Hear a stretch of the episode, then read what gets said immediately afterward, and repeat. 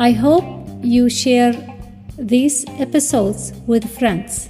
أتمنى أن تشاركوا هذه الحلقات مع الأصدقاء. شكرا. Thank you.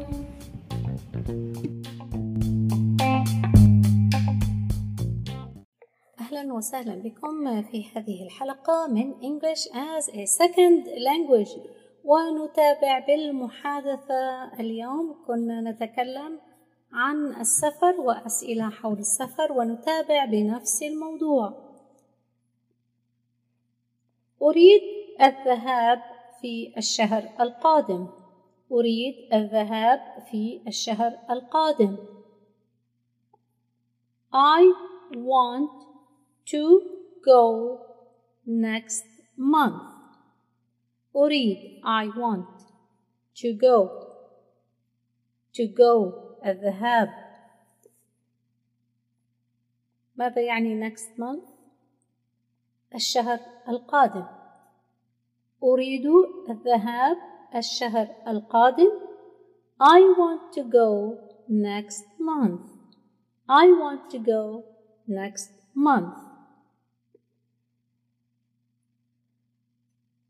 دعني أتحقق من الرحلات.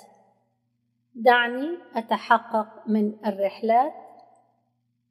Let me. دعني. Let me. Let me. Let me. أتحقق. Check. Check. Check. دعني أتحقق. Let me check let me check أتحقق من الرحلات check the flights check the flights لك for you for you دعني أتحقق من الرحلات لك أو لأجلك let me check the flights for you let me check the flights for you حسنا دعني أتحقق من الرحلات لك. All right let me check the flights for you. All right let me check the flights for you. تتذكرون بالحلقة القادمة كانت المحادثة. مرحبا أريد السفر إلى باريس. هل يمكنك مساعدتي؟ بالتأكيد. هل تعرف متى تريد الذهاب؟ نعم أريد الذهاب الشهر القادم حسنا دعني أتحقق من الرحلات لك هذا الحديث بالإنجليزية يكون مرحبا هاي أو هلو أريد السفر إلى باريس هل يمكنك مساعدتي؟ I want to travel to Paris can you help me؟ بالتأكيد هل تعرف متى تريد الذهاب؟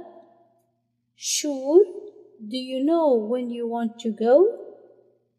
نعم أريد الذهاب الشهر القادم Yes I want to go next month حسنا دعني أتحقق من الرحلات لك Alright let me check the flights for you والآن سأقول كل الحديث بالإنجليزية وأرجو أن تكون قد وضحت كل المفردات والمحادثة بالإنجليزية فقط Hi, I want to travel to Paris. Can you help me?